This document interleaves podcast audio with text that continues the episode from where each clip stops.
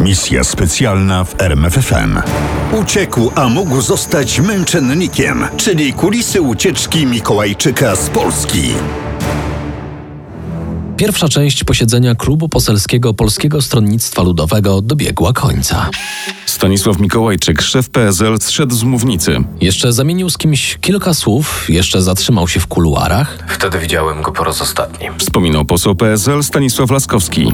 Kiedy nie wrócił na obrady, zapanowała dezorientacja i po prostu się rozeszliśmy, bez uchwał i formalnego zamknięcia zebrania.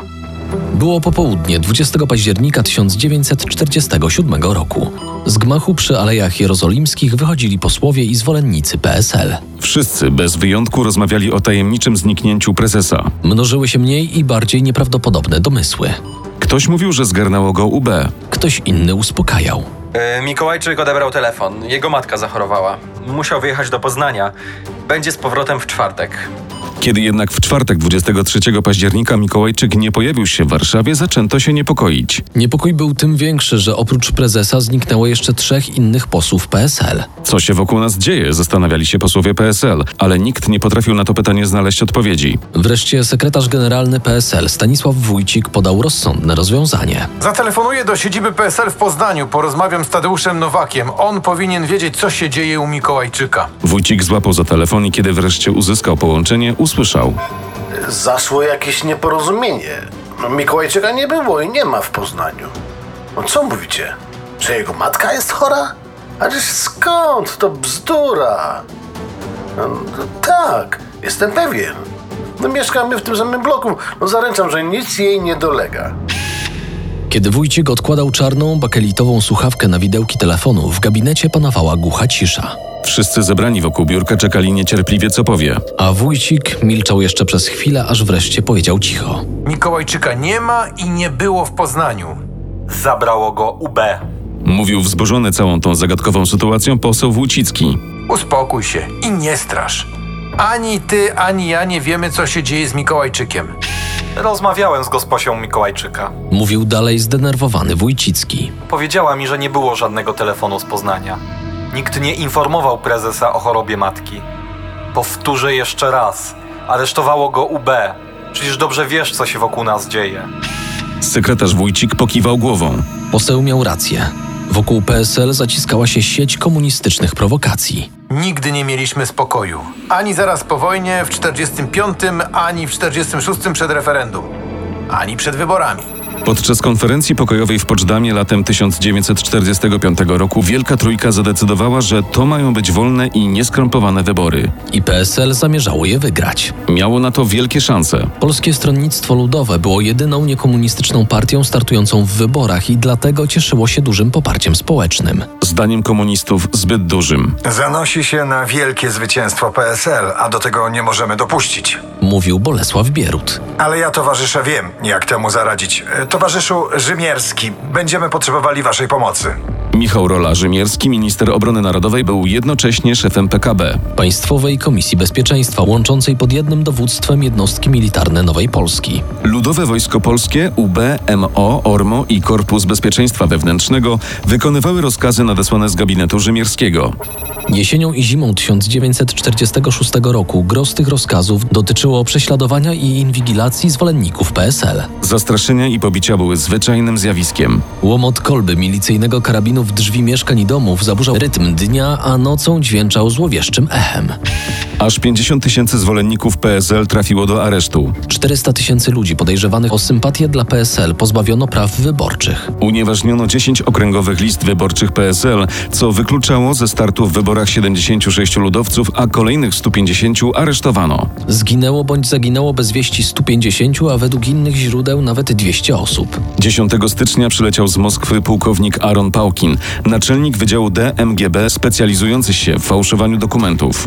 Teraz Bierut był już spokojny o wynik. 19 stycznia 1947 roku ludzie ruszyli do urn. W tym milionowym tłumie był również Stanisław Mikołajczyk, niegdyś premier rządu RP na emigracji, a teraz kandydat na posła z okręgu Warszawa Miasto. Mikołajczyk wszedł do lokalu wyborczego. Poprosił o kartę do głosowania, schował się za przepierzeniem i tylko przy sobie znanym kandydacie postawił krzyżyk. Wygrał, dostał się do Sejmu jako jeden z 24 posłów PSL. Według oficjalnych wyników blok demokratyczny złożony z PPR-u i PPS-u oraz kilku mniej znaczących partii, które z demokracją nie miały za wiele wspólnego, zyskał aż 80% głosów. PSL zaledwie 10%.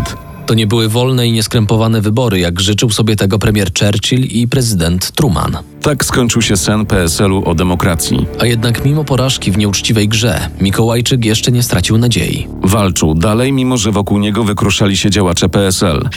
Dopóki chroni mnie immunitet poselski, Mówił, będę trwać, choćby po to, by dawać świadectwo wolnemu światu o tym, co się dzieje w Polsce. Stefan Korboński, w czasie wojny ostatni delegat rządu na kraj, a w 1947 roku przewodniczący warszawskiego PSL, zdecydował się wyjechać z Polski i to samo radził Mikołajczykowi. ale ten odmówił.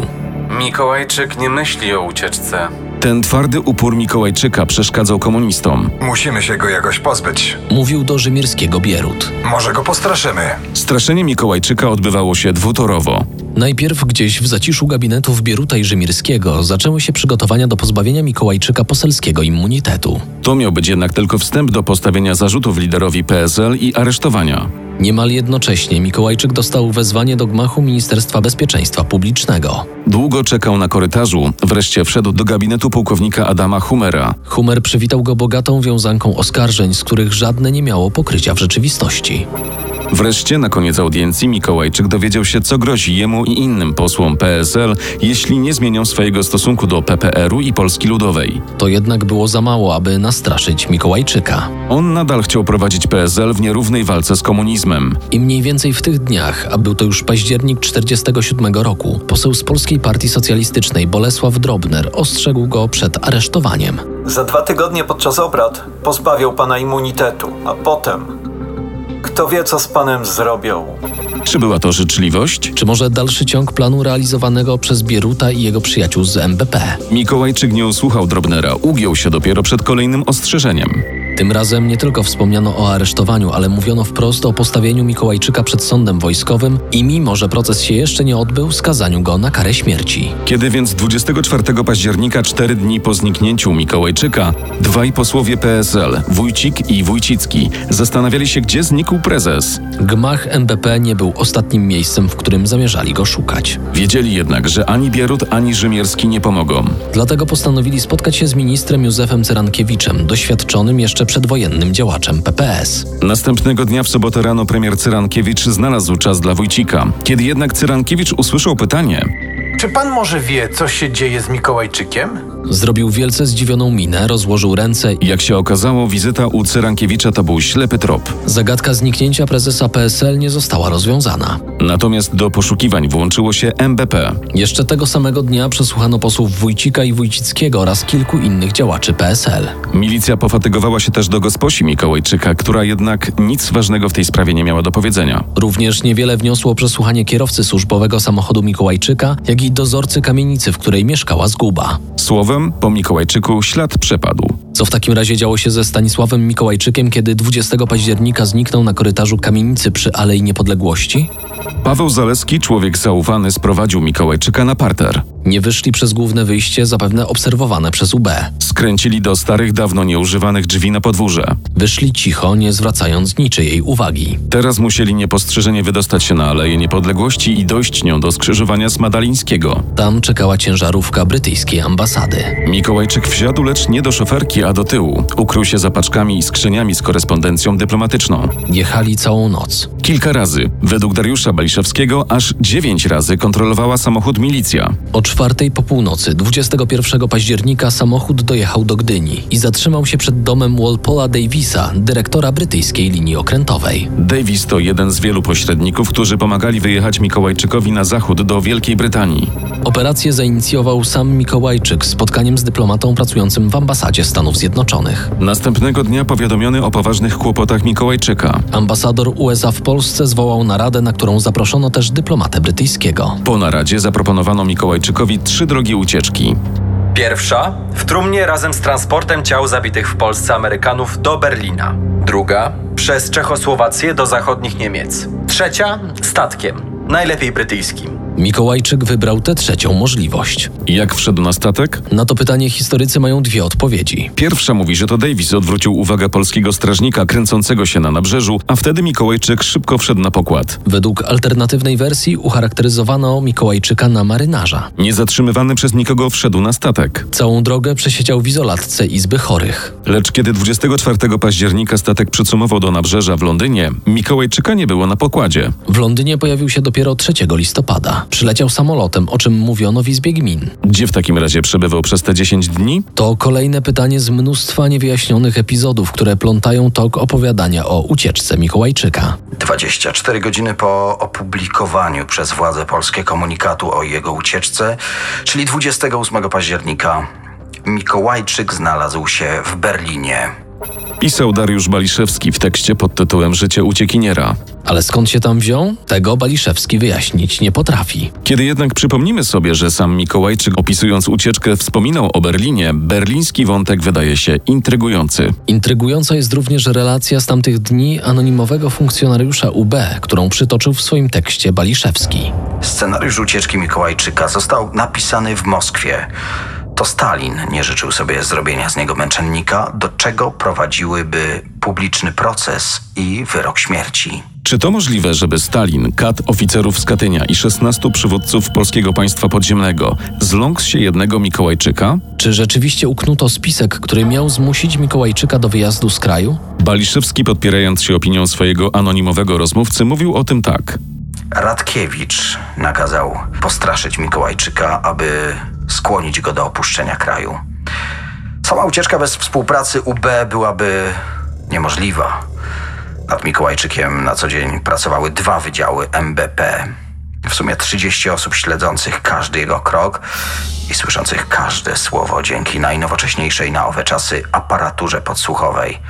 Trzy osoby z najbliższego otoczenia Mikołajczyka pozostawały na usługach UB.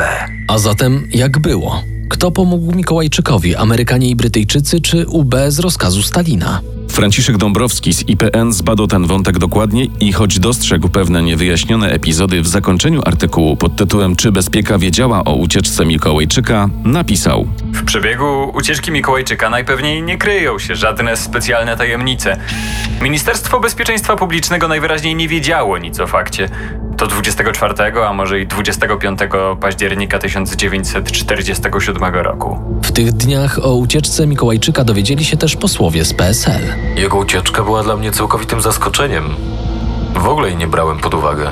Wspominał Laskowski. A jak została odebrana przez innych posłów?